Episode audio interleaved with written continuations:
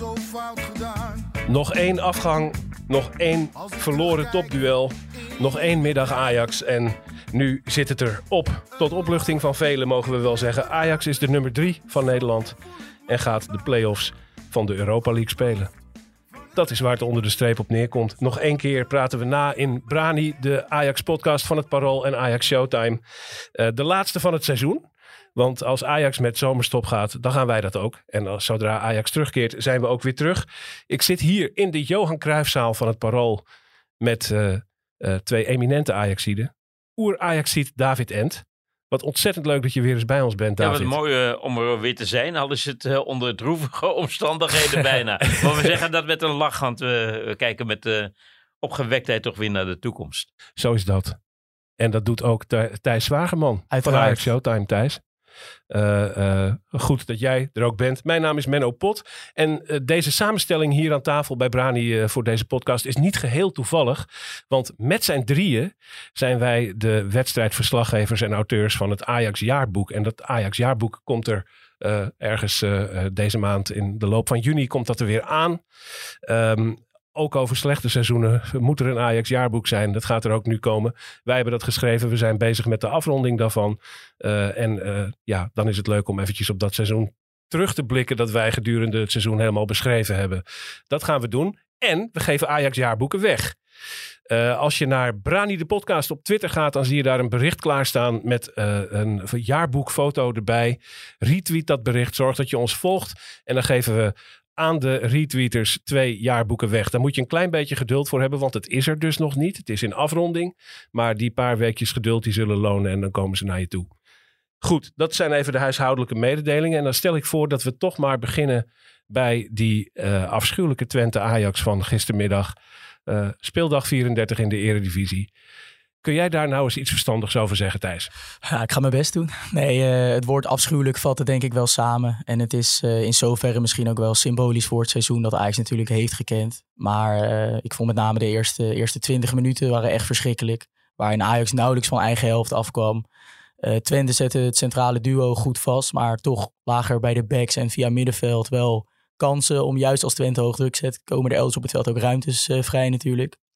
En daar wist Ajax totaal niet mee om te gaan met eh ja, Roelie en Alvarez wat dat betreft echt als meest opvallende eh, zwakke schakels. Heel erg slordig in de, in de passing. Ehm, ja, en toen, toen kwamen ze natuurlijk totaal niet in de wedstrijd. Wat dan opvallend is en eh, ook totaal niet had verwacht... was dan dat de eerste en de beste wel goede aanval leverde direct een goal. Dit was uitstekend uitgespeeld natuurlijk. Tegen elke verhouding in. Ja, ja, absoluut. En eh, ja, nou, toen eigenlijk tot de rust ook niet echt meer in de problemen gekomen. Maar eh, ja, tweede helft, als je zo, zo begint, dan roep je het natuurlijk volledig over jezelf af. En toen heeft het eigenlijk ook geen moment meer ingezeten. Ja. Ehm, dus ja, nee, echt, echt, een, echt een wanvertoning. En je zag ook wel dat het laatste beetje lucht ook, ook uit de fles was. Het is, het is op bij Ajax. En, Hoe kan eh, zo'n ballonnetje zo leeglopen, David? Zo'n, want het was toch een dag waarop Ajax met enige goede hoop naar Enschede ging. Tweede, tweede worden kon nog. En dan eh, blijkt er eigenlijk helemaal geen urg- urgentiebesef eh, in te zitten. Ja, dat is eigenlijk de grootste teleurstelling van, van zo'n wedstrijd. Dat je Ajax ziet dat eigenlijk zich makkelijk naar de slagbank eh, laat leiden. Dat er geen persoonlijkheid eh, in, dat, eh, in dat team zit hè, als collectief om er iets van te maken, om vol te gaan. De- Thijs zegt terecht, eh, Twente had eh, eerste 30 minuten een volledige overwicht omdat het druk zette. Dat is niet iets nieuws van FC Twente. Daar kan je je tegen wapenen. Dat denk ik ook, ja, tactisch is het ook niet erg goed opgelost door Ajax. Het feit dat eh, onze keeper Roelie zoveel balverlies had, ligt niet alleen aan hem, maar zeker ook aan de spelers die zich willen aanbieden. Het was een beetje apathisch en eh, ik denk dat ze zelf geschrokken zijn van de 1-0 voorsprong die ze namen.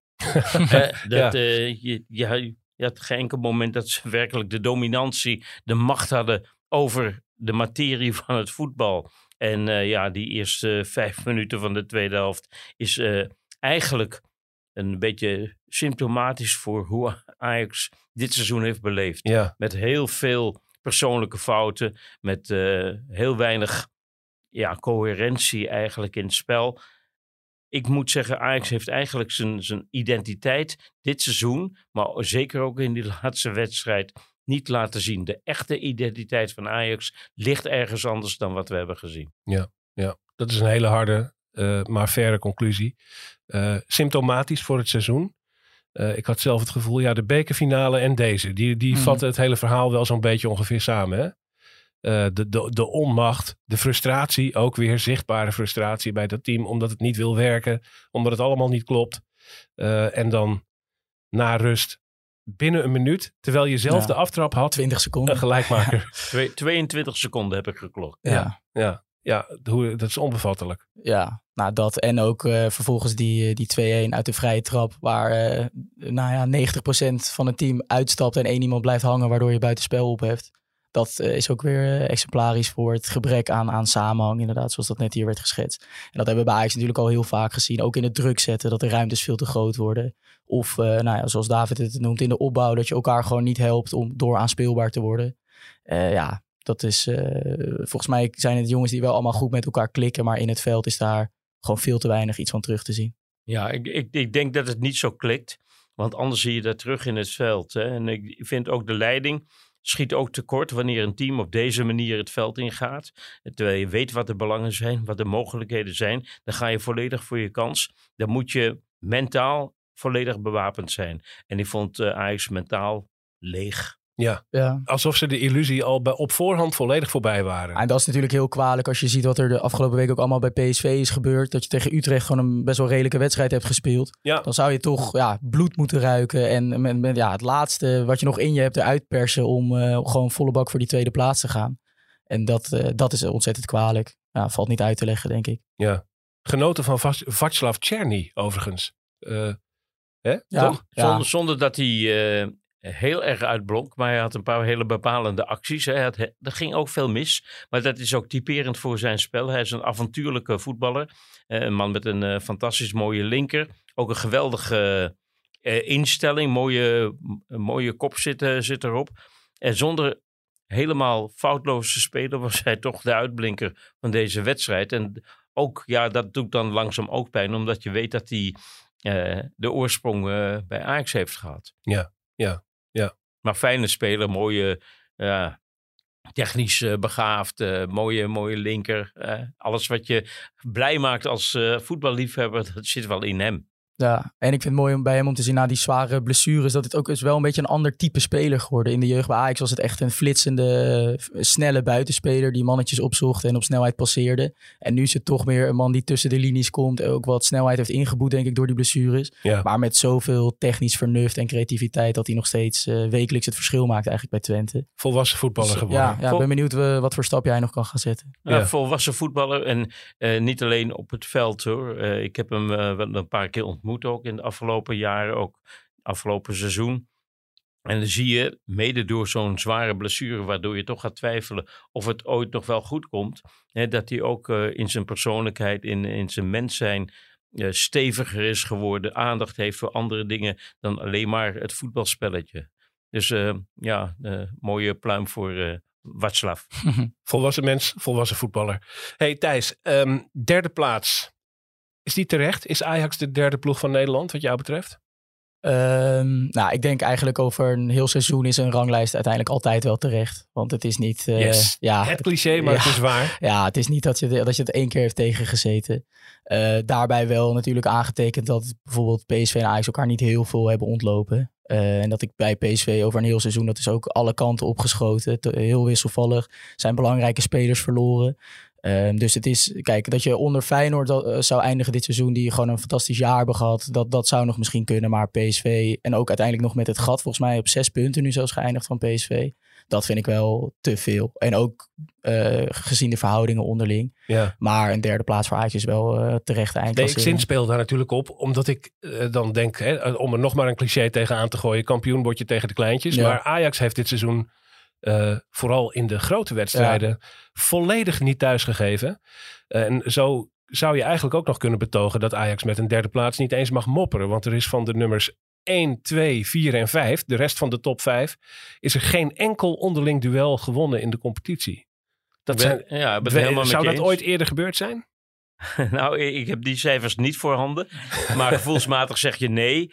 Omdat je altijd wel uh, Feyenoord uh, een pak slaag heeft zo onderweg in een, in een seizoen. Ja. En, ehm, maar ik vind eigenlijk dat Ajax uh, met die derde plaats twee plaatsen boven het normale pijl staat. Weet je, als je kijkt naar hoe AZ heeft gepresteerd, ook in Europa, als je dat hele pakket kijkt, nou, goed degelijk seizoen. Zijn niet zo erg moedig, vind ik, in hun spel. Hè? Een beetje behoudend, maar hebben wel goed gepresteerd. Uh, Twente vond ik een van de meest aantrekkelijke ploegen. Hè? En dan, dan, kijk ik ook naar die coach. Dan denk ik, Ron Jans, wat een, wat een uh, heerlijke coach om te hebben. Als boegbeeld ook en uh, als leider van je, van je club met Twente goed gepresteerd. Hebben natuurlijk een dips gehad. Hebben minder, veel minder mogelijkheden natuurlijk dan Ajax. Uh, laten we niet eens over financieel hebben. Maar ook qua kwaliteit wat er op het veld staat. En toch zo fris en, en, en, en, uh, en gretig als ze speelden tegen Ajax. Dat hebben ze heel vaak gedaan. Ja. En met een goede spelopvatting. Met ideeën van hoe je wil voetballen. Dat kwam er allemaal uit. En daarom denk ik eigenlijk dat Ajax in, voor mij gevoelsmatig... Uh, raken ze dezelfde bodem als in het jaar 2000 toen ze vijfde werden. Ja. Helaas. Ja, zo erg. Zo Ja. erg. Ja, zo erg was het. Ja, dat zat je natuurlijk dan ook af te vragen. Hè? Wat was nou eigenlijk, is dit nou het soort van slechtste seizoen ooit of zo, zoals sommige mensen zeggen? Ik vind persoonlijk van niet. Ik vond het in eh 99 en 2000 nog wel een stukje ernstiger met een zesde en een vijfde plaats. En eh, eigenlijk niet thuisgeven in de UEFA Cup. En een traumatisch eeuwfeest en wat er allemaal maar niet bij kwam. En misschien dat het voetbal in de Frank de Boer jaren zo rond 2015 ook wel slechter was dan het nu is. Maar toen had Ajax natuurlijk veel minder mogelijkheden en veel minder geld op de bank om iets goeds neer te zetten. Toen zat de hand uh, structureel op de knip, uh, waar die knip nu uh, wijd open stond. Dus als je het afzet van, nou ja, hè, de mogelijkheden, wat Ajax in zijn, tot als, als financiële mogelijkheden had en wat het uiteindelijk geworden is. Uh, het verschil daartussen is misschien wel nooit zo groot geweest, denk je dan?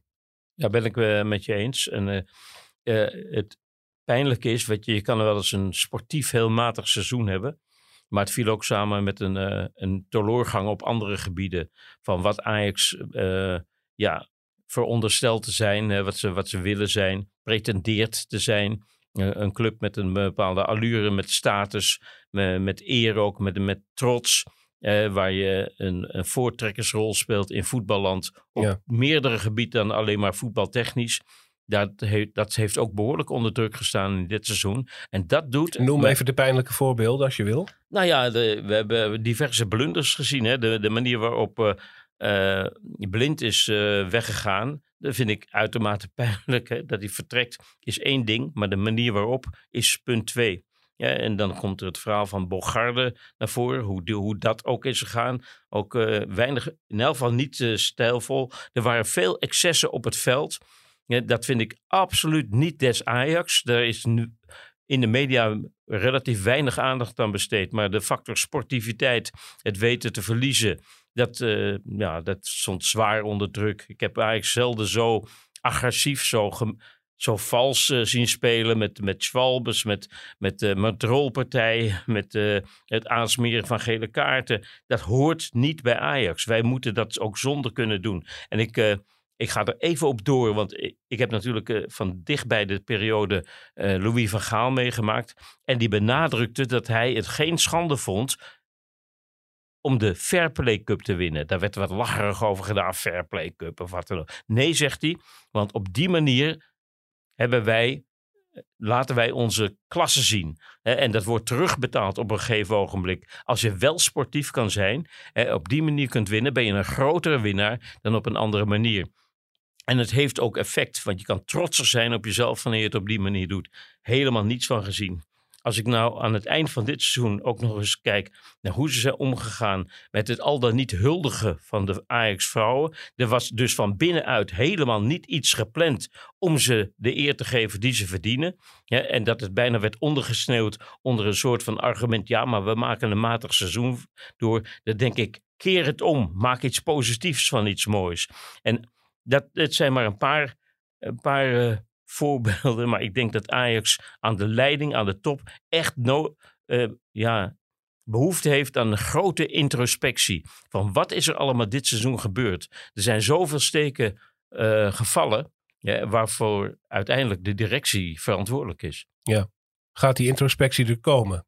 Ja, dat is de grote vraag die eh, ik niet kan beantwoorden. Maar waarvan je hoopt, en dat je ook hoopt dat de mensen die redelijk onafhankelijk zijn, die introspectie doen. Want als dat wordt gedaan door de mensen die zeg maar gefaald hebben op bepaalde eh, momenten, dan heb je al gauw de kans dat het met de mantel de liefde wordt bedekt. Als ik jou zo hoor, is dan de positie van Van der Sar nog houdbaar? In jouw ogen? Nou, ik vind wel dat er grote vraagtekens bij eh, kunnen komen. Kijk, hij is uiteindelijk de verantwoordelijke man. Hij heeft tien jaar lang heeft hij, eh, eh, ja, de kans gehad om, om echt een directeur te zijn. En er zijn toch op bepaalde momenten zijn er dingen heel erg fout gegaan. En ja, ik gun niemand een, een, een vertrek of wat dan ook. Maar je moet wel consequenties kunnen trekken uit bepaalde acties. En ik hoop dat dat eh, in elk geval gebeurt. En op welke manier dat gebeurt, dat is een tweede. Maar Ajax kan niet zo doorgaan op deze manier. Hè, het is eh, heel erg duidelijk dat de commercie eigenlijk boven, bovenaan staat. Weet je, een, een ander voorbeeldje wat, waarvan ik denk teleurgang van wat Ajax is. Ik lees eh, voor de wedstrijd van gisteren dat ze eigenlijk in het witte nieuwe uitshirt zouden Ja, spelen. dat he- verhaal. dat hebben ze dan een beetje een traditie gemaakt. En dat zien ze van af, want het zou zomaar kunnen zijn dat we deze wedstrijd gaan verliezen tegen Twente. En dan, dan krijgt dat eh, witte shirt een negatieve lading. Ja, ja. Dat Ajax ervan uitgaat dat je misschien kunt verliezen, dat is al niet des Ajax. Weet je, laat je trots, laat je, laat je brani spreken in dit geval. En dat gebeurt dus helemaal niet. Ja. dat, en dat wijkt zo af van wat de werkelijke Ajax-waarden en normen zijn. En die liggen ook een beetje niet in het arrogante, maar wel het zelfbewuste. En als dat allemaal de grabbel wordt gegooid, dan verliest de club zijn ident- identiteit. Een grote club kan ook groot verliezen. Eh, en kan dan eh, waardig reageren. Eh, en dat hoeft niet altijd te eindigen in een lelijk ordinair opstootje op het veld. Zoals dat tot nu toe bij bijna elk topduel van Ajax gebeurde. Hè? Tegen PSV, tegen Feyenoord.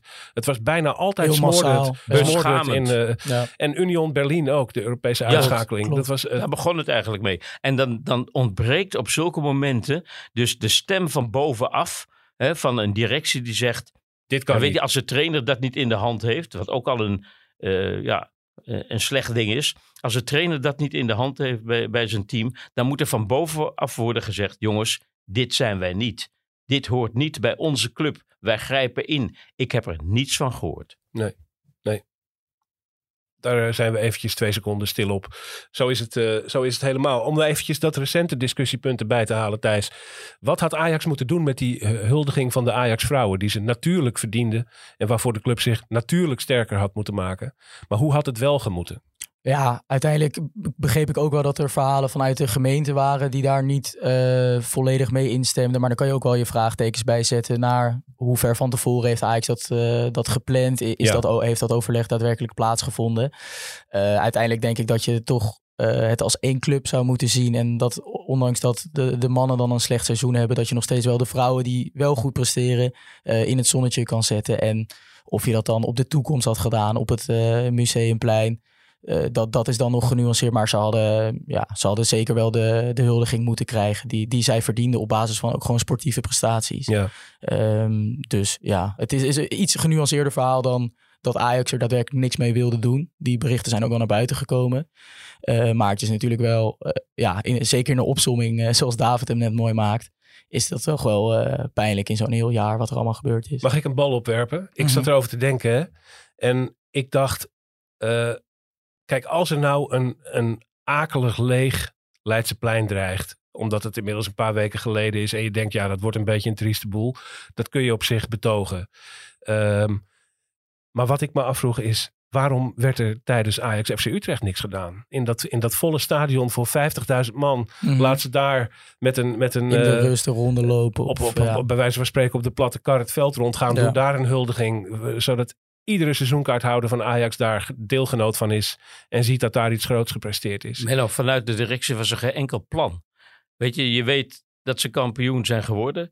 Dat is eh, op het laatst gebeurd. De laatste wedstrijd moesten ze winnen. Maar daar, daar kon je eigenlijk mee eh, rekening houden dat die wedstrijd tegen Pek Zwolle werd gewonnen. Ja. Er is geen plan geweest om die meiden op een deugdelijke manier in het zonnetje te zetten. Dat is het En je hebt- kwalijke. Je hebt tal van mogelijkheden. Hè, en, en wanneer er dan een voorzet komt van de vereniging en je komt met uh, de opmerking van ja, weet je, het is niet het goede moment en al die zaken. Dan ga je voorbij aan het belang van je club. Want deze meiden, die vertegenwoordigen ook Ajax. Dat is ook Ajax. Ja. En dat gedachtegoed, dat mag best wel eens dieper indalen bij de, bij de club dan dat het een aanhangsel is. Want zo voelen die meiden dat nu. Die vinden dat een schoffering eigenlijk van, van hun prestatie. Dat er dus niet vanuit de club een deugdelijke manier is om ze te huldigen. Precies. Dat het moet gaan afhangen van, van wel of niet uh, het, stadsbestuur en daarop reageren. Het is reactief in plaats van actief bezig zijn met ja. een hele belangrijke groep in je, in je, in je club. En dat is het kwalijke. Dat is het kwalijke. Dat reactieve. Dat niet, Mhm. iets, niet iets bedenken. Want kijk, als je een verhaal hebt. Daar kan ik me nog uh, iets bij, bij indenken. Ik, ik zat bijvoorbeeld zelf te denken. Er kan ook een veiligheidsaspect meegespeeld hebben. Dat je denkt, als je die, die vrouwenhuldiging op het uh, Leidseplein doet. Op Pinkstermaandag. Een uh, paar weken na het binnenhalen van de titel. Dan komen er misschien niet zoveel aanhangers van het vrouwenelftal. Maar het risico bestaat dat er wel boze Ajax 1-fans komen. Die komen protesteren tegen de directie. Dan wordt het niet leuk. Misschien dat je daar gedachten over hebt. Maar het gaat erom dat je een gedachte hebt. En dat je uitlegt in, in de juiste woorden wat die gedachte is. En op dat vlak is Ajax zo afschuwelijk tekortgeschoten dit seizoen. In, in op talloze gevallen. Vlakken. Ja. ja, David somde die uh, gevallen uh, net uh, op. Ja, ik heb nog e één ding ook met die vrouwen. Hè? In, de, in, de, in de slipstream van het niet huldigen. Ze spelen nu vanmiddag om half drie. Spelen ze de finale Eredivisie Cup. Dus een aanhangsel toernooi. Maar goed, dat is ook uh, belangrijk. Ze spelen tegen de grote concurrenten FC Twente.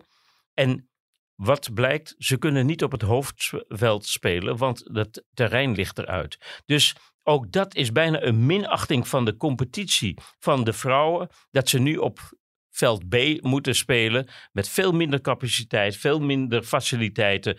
In plaats van dat ze op het hoofdveld, op de toekomst, waar ze altijd een wedstrijden spelen, kunnen spelen. Ook daaruit blijkt dat ze het, zeg maar, een, uh, een ondergeschoven element vinden. Ja. En Ja. Dat, dat, dat doet mij echt heel erg veel pijn. Mij ook. Ik kan het uh, niet anders uh, uitdrukken. Laten we even het, uh, het roer omgooien en naar de toekomst gaan kijken, jongens. Want het, dit, dit naargeestige seizoen in alle denkbare opzichten zit erop.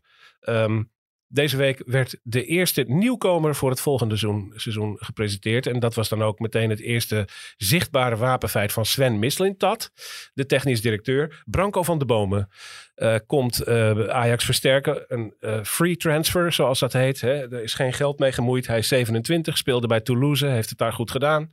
En heeft een Ajax verleden. Ken jij hem een beetje als voetballer, Thijs? Ja, ja zeker wel. Hij heeft inderdaad tot, uh, tot 2014 dus zelf bij Ajax gespeeld, tot aan uh, jong Ajax. En vervolgens uh, via FC Eindhoven, de Graafschap, een best wel aparte carrière eigenlijk gehad naar het tweede niveau van Frankrijk. Met Toulouse gepromoveerd. En dit jaar in de Ligue 1 daar erg goed gedaan. Uh, dus nou, ik denk dat eigenlijk voor iedereen kwam die uh, transfervrije uh, aanwinst wel echt uit de lucht uh, vallen. Niemand, nie, er waren geen Ja, geruchten. Het speelde niet eigenlijk aankomen, nee. niet echt in de, in de media.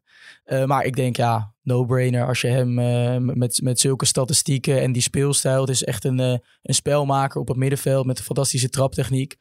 Uh, ja, misschien een beetje in de geest van, uh, van Schöne, die ooit transfervrij overkwam van NEC. Ja. Ik denk ook niet dat Van de Bomen per se voor de eerste elf gaat. Schöne was toch twee ton of zoiets nog, dacht ik toch? Ja, transfervrij dacht ik. Ja? Was Maar nou eh, goed. in ieder geval Ja. eh, een beetje zo'n type ook die nou, op 6 en 8 wel multi-inzetbaar is.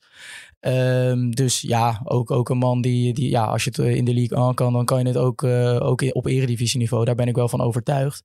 De vraag in hoeverre hij Ajax daadwerkelijk beter gaat maken, eh, is wel een terechte om te stellen.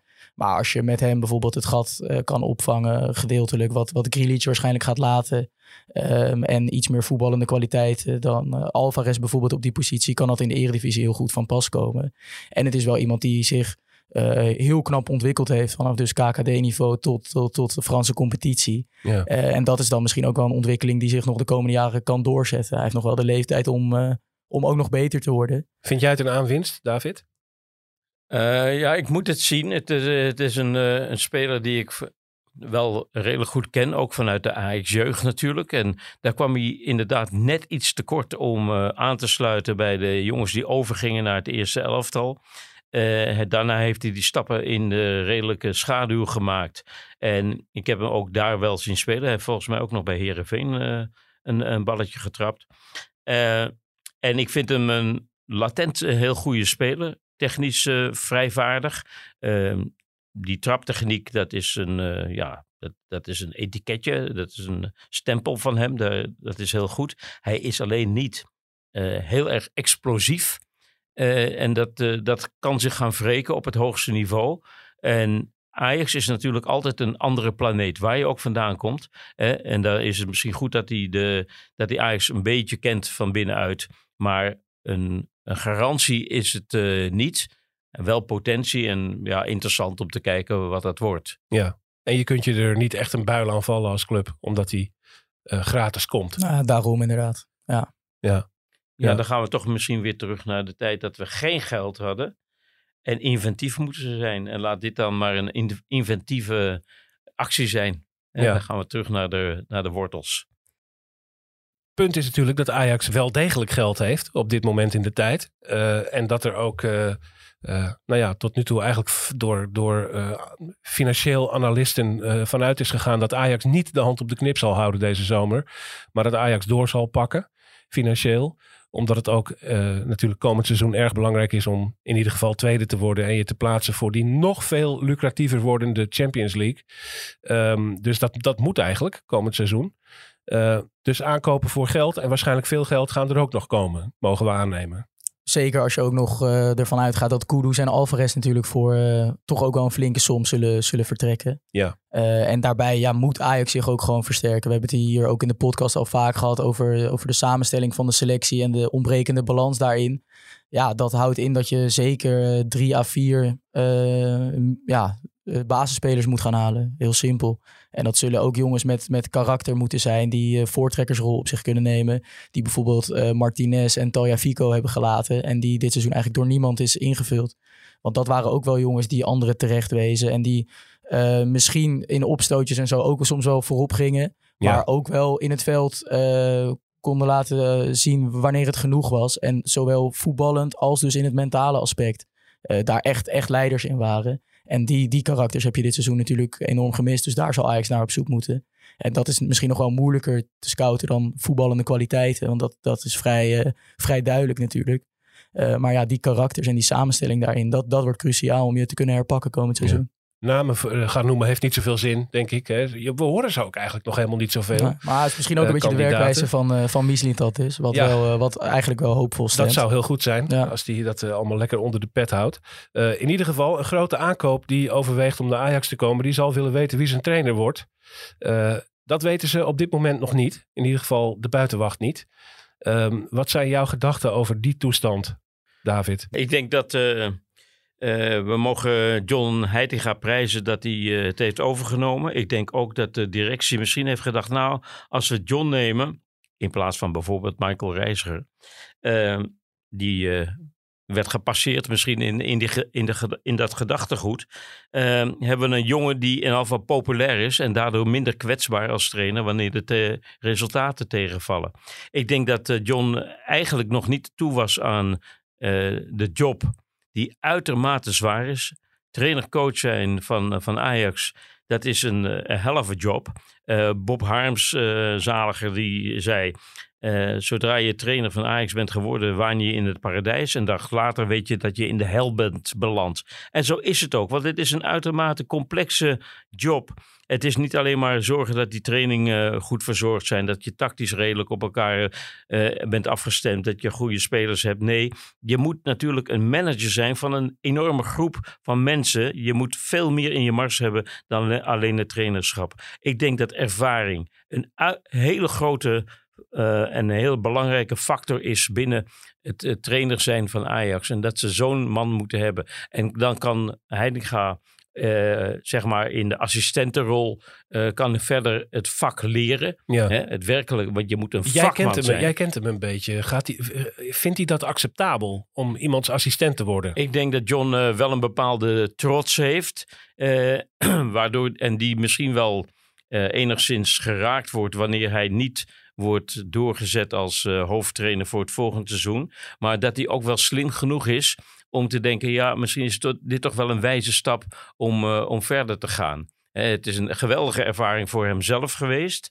Ik heb Ajax niet veel beter zien voetballen dan onder Schreuder, moet ik eerlijk zeggen. Nee. Ik heb geen eh, een nieuw, nieuw denker gezien in, in Heidinga wat betreft het voetbal wat werd gespeeld. Het was voorspelbaarder dan ooit in, de, in, de afgelopen, in het afgelopen seizoen. Eh, niet alleen onder Heidinga natuurlijk. Ehm, en ik denk dat dat de beste rol voor hem zou zijn. Ik heb zelf de hoop dat ooit eh het Wiegers Maduro bijvoorbeeld eh, daar wel gaat staan. Ja, ik denk dat Ja. hij eh, een man is met veel inhoud, met, eh, met eh, een grote mate van intelligentie. Hij kan zich goed ver- verwoorden. Eh, heeft duidelijke dingen gedaan, ook bij Almere City. Al is dat misschien een beetje op de achtergrond voor veel mensen. Maar eh, dat zou ik misschien niet nu meteen, maar wel in de toekomst een hele goede man vinden. Maar op dit ogenblik denk ik dat Ajax behoefte heeft aan een, aan een eh, doorgewinterde trainer die het klappen van de zweep kent. En ook een beetje weet te denken in de Ajax-stijl. En dat is eigenlijk hetzelfde als met de, het aankopen van nieuwe spelers. Je kan eh, spelers van gewisse klasse kan je aantrekken. Maar ze moeten wel passen in de manier van voetballen die je wil gaan eh, etaleren. En dat is de grote crux. Want je kan een hele lading spelers kopen met dat vele geld. Maar ze moeten wel passen in jouw manier van voetballen. En dat is voor een, eh, voor een eh, technisch directeur de grote vraag. En die vraag stel ik ook een beetje bij Mislintat. Want hij kan zijn sporen hebben verdiend. Maar het gaat erom dat hij zich kan verplaatsen in wat Ajax wil. Hoe Ajax wil voetballen. En wat En- Ajax is. Ja, Ja. Thijs, Ja. heb jij namen in je hoofd? Nou ja, de meest voor de hand liggende naam in mijn, eh, in mijn optiek is toch gewoon die van Peter Bos. En, Hij is eh, opgehouden met eh, publiekelijk solliciteren. Ja, ja dat, heeft hij, dat heeft hij één week gedaan. Volgens mij heeft hij Ja. overal aangeschoven. Ehm, en ik denk uiteindelijk ook dat, stel dat, ik heb ook het gevoel dat Ajax niet door wil met Heitinga als hoofdtrainer. Want als ze dat daadwerkelijk hadden gewild, dan kan ik echt geen reden bedenken om dat niet al eerder te communiceren. Om gewoon die duidelijkheid te verschaffen. Precies, ja. En dan kan je ook niet eh, gaan afwachten van stel dat Ajax dan gisteren wel tweede was geworden, dat ze dan wel met hem door zouden gaan. Het is toch ook al alleen daar al moet je door- waanzin dat het daarvan af zou Precies, hangen. daar moet je doorheen prikken. En eh, ja, zoals gezegd, we, we hebben dit niet een grote progressie gezien eh, ten opzichte van Schreuder. Daarbij wordt dan vaak gezegd, ja, het is niet zijn selectie en hij heeft geen voorbereiding gehad. Maar ik denk wat, wat mensen daarbij ook wel vergeten, is dat in tegenstelling tot bijvoorbeeld de jaren onder Ten Hag, waar Ajax elke keer tot laat in het seizoen Europees speelde, ja, dan stond de trainingsweek in het teken van herstellen. En nu had hij gaat toch elke keer van weekend tot weekend gewoon een volledige trainingsweek, waarin je echt wel na één, twee maanden eh, zichtbare progressie mag verwachten. En dat hebben we ook gewoon te weinig gezien. Ja. Daarbij denk ik wel dat eh, ook de verhalen die je al van hem hoorde van, van, vanuit de jeugd en bij jong Ajax, dat hij wel een, een, people manager is die jongens kan raken, die eh, op de juiste momenten spelers weet te triggeren. Hij kan, hij kan een armpje eromheen gooien of jongens ook wel ja, motiveren, een keer aan de kant zetten en da- daarmee spelen, zeg maar. Dat spel beheerst hij wel goed. In hoeverre hij tactisch nu als eindverantwoordelijk eh, al goed genoeg is, dat, dat denk ik eigenlijk niet. Dus eh, ik denk dat hij ook wel zal, zal hebben gekeken naar bijvoorbeeld eh, Van Bommel en Van Nistelrooy, die ook als jonge trainers toch best wel beschadigd zijn begonnen. Of Dirk Kuyt, om maar iemand te noemen. Ja. En dat, dat zal hij ook denk ik mee moeten nemen. En ja, ik, zou- het zou voor hem niet slecht zijn om eh één, twee jaar nog als assistent trainer te blijven. En dan in de schaduw zich te ontwikkelen. En het dan daarna wellicht nog een keer te proberen. Gaan kijken hoe dat loopt. Hey, laten we eens over het jaarboek praten, jongens.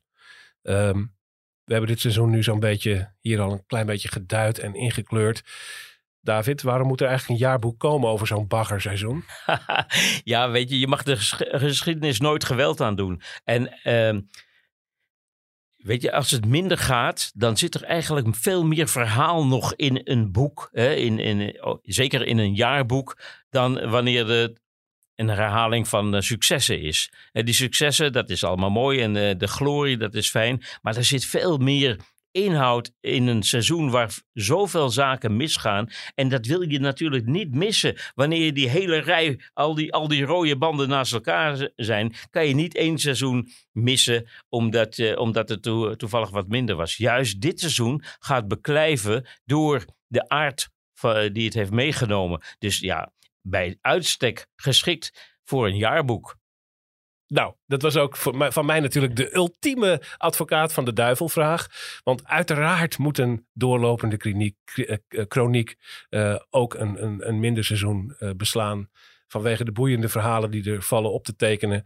Het ontslag van Schreuder dat niet in november kwam, maar pas na de winterstop. Het vertrek van Daily Blind. Uh, alles wat erbij kwam kijken.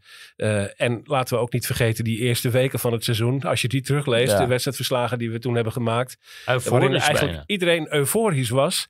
Uh, de 6-1 tegen FC Groningen, waarin Anthony voor de laatste keer schitterde. De 4-0 tegen Rangers en daaromheen overwinningen ook lang tegen, geleden al, hè? tegen Heerenveen en Cambuur van he hele ruime cijfers. Ja. Uh, toen dacht iedereen, dit wordt top. De beste seizoenstart in een hele lange tijd. En Ajax leek ook in de Champions League erg competitive te zijn. En toen kantelde het ineens. Eigenlijk na Liverpool uit, hè?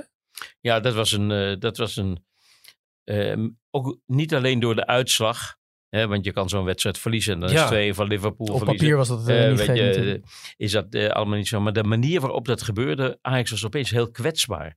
Uh, toonde niet de, de veerkracht en ook de lef niet om op Anfield Road iets extra's te betekenen. En Daarna ging dat ja, stap voor stap verder naar beneden. Met als absoluut dieptepunt natuurlijk. Ik ben er ook weer bij geweest.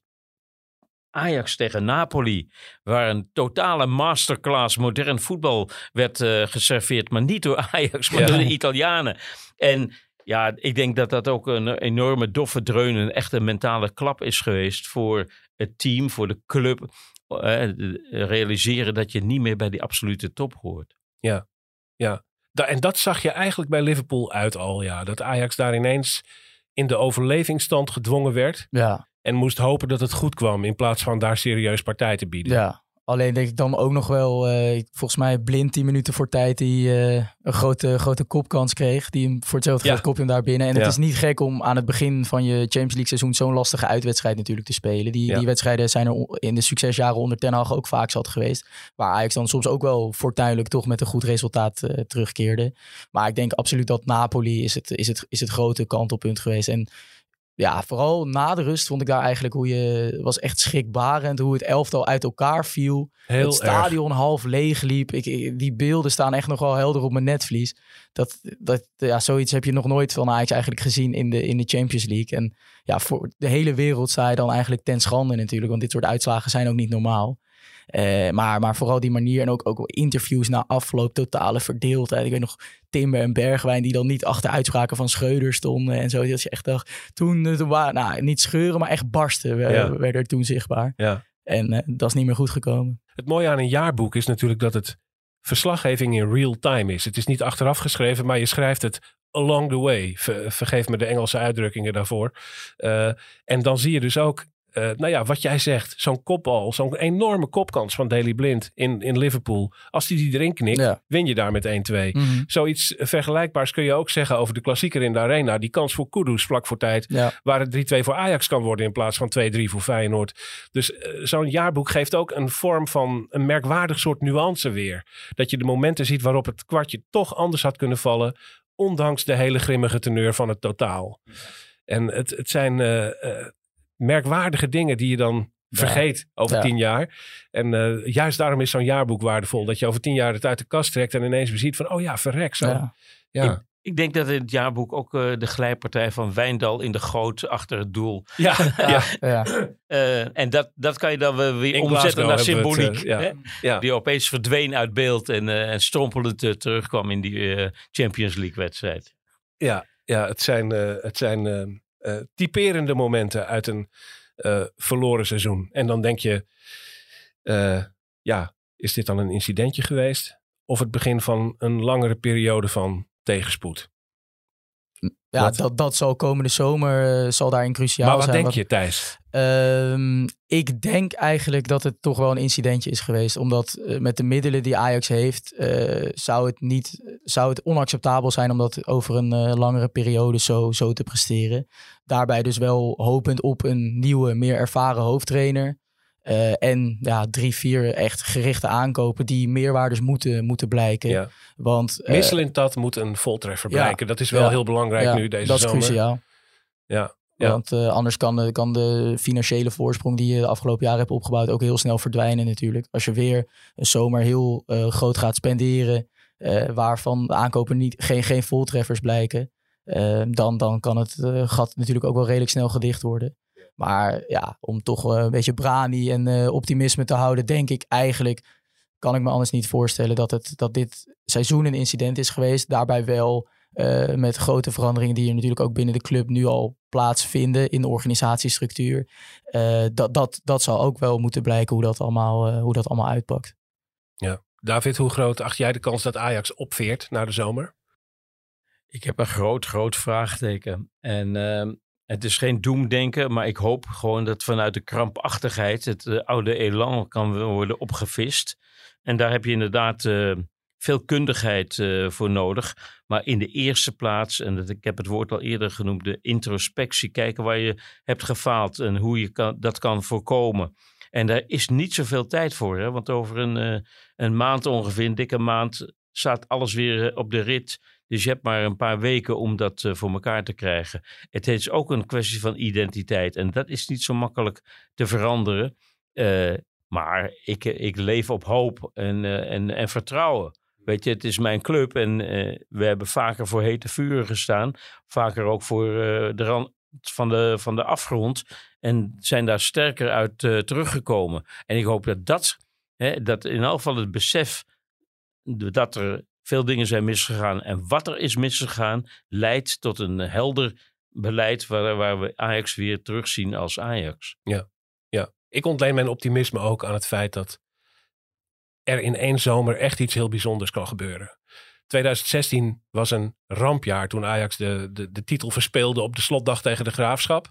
Ajax zat voetballend eigenlijk heel ver weg van waar het wilde zijn. Na de zomer zag het er ineens met een nieuwe trainer en Hakim Ziyech zag het er ineens heel anders uit. Uh, 2018 natuurlijk, de komst van Dusan Tadic en Daley Blind. Uh, het seizoen daarvoor was een tragedie. In alle denkbare opzichten, al was het maar ook door uh, de, de, de kwestie Apinouri. En na de zomer van 2018 stond er ineens iets. Het kan ineens, het kan in één zomer. En Ajax heeft er de middelen voor. Maar je kunt het ook verpesten. Nou, goed. We gaan, dat, we gaan dat zien. We moeten gaan afronden, jongens, hier uh, uh, in de Johan Cruijffzaal van het Parool. Um, uh, we hebben nog een paar huishoudelijke mededelingen te doen. Allereerst, ik dank jou, David, heel erg voor het komen naar het Parool. En Plezier heel fijn gedaan. dat je er weer eens was in Brani. Van Thijs nemen we afscheid. Thijs, het was jouw laatste optreden in Brani. Ja. Want je gaat vertrekken bij Ajax Showtime. Klopt. Kun je al zeggen wat je gaat doen of wil je dat nog niet? Uh, nou, het moet nog een beetje duidelijk worden ook allemaal. Dus uh, het zal waarschijnlijk wel uh, ook in de media actief blijven. Media, voetbal. Dat is wel de kant waar ik in wil blijven. Dus ja, voorlopig niet meer bij Brani inderdaad. Dankjewel voor al die keren. Ja. En voor je beschouwingen over de Ajax jeugd ook in het bijzonder. Ja. Die zeer weer hoog werden gewa- gewaardeerd door onze luisteraars. En we gaan je zeker terugzien Ja, hier nee, als eh, vriend van de ontzettend show. graag gedaan natuurlijk. Eh, absoluut. Dank je eh, Thijs Zwageman. Verder moet ik zeggen dat je dus twee jaarboeken kunt winnen. Of nou ja, één van die twee. We gaan er twee weggeven. Ga naar Brani de podcast op Twitter. Retweet het bericht dat je daar ziet staan met het Ajax jaarboek eh, eh, in de foto. En dan eh, maak je kans op een jaarboek dat jouw kant op komt. Zodra het vers van de persen rolt. En de laatste huishoudelijke mededeling is dat dit dus de laatste Brani van het seizoen was. We zijn jullie buitengewoon dankbaar voor het luisteren naar onze podcast. Uh, het gaat goed met Brani. Vanaf het moment dat, uh, dat ik de presentator van deze podcast ben, zijn de luistercijfers, geloof ik, nou, vijf keer zo hoog geworden, vier keer zo hoog. En jullie zijn bij ons gebleven, ook in het slechte seizoen dat nu achter ons ligt. dat vinden we heel fijn. Dus we hopen jullie allemaal weer te mogen begroeten in het nieuwe seizoen. En dat begint eh, voor Brani de podcast op maandag 14 augustus. Dan zijn we terug. Dat is de maandag na de eerste eredivisiewedstrijd van het nieuwe seizoen. En de dag daarna op dinsdag 15 augustus is ook Brani de column in de krant, in het Parool. eh, weer terug, die ik dan weer eh, een seizoen voor je ga schrijven. Nou, dat is het huishoudelijke deel. De allerlaatste mededelingen zijn als altijd dat de productie en de techniek van deze podcast in handen was van. Nee, niet Josien Wolthuizen, want die is er even niet vandaag op Tweede Pinksterdag. Verena Verhoeven deed dat voor ons. Dankjewel, Verena. De muziek van onze leader werd gemaakt door de band Jazz. En wij zeggen, geniet van de zomerstop. Houd de moed erin voor wat betreft onze prachtige club Ajax. En tot in augustus als wij beginnen aan een nieuw seizoen Brani.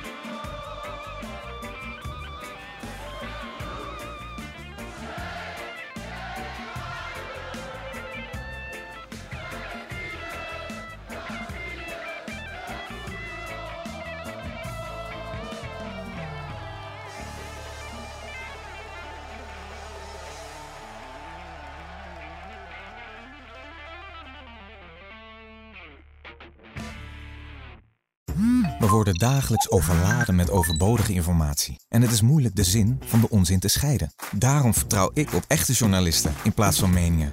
Een krantenmens heeft het gemakkelijk. Word ook een krantenmens en lees je favoriete krant nu tot wel zes weken gratis. Ga snel naar krant.nl. Bezorging stopt automatisch en op deze actie zijn actievoorwaarden van toepassing.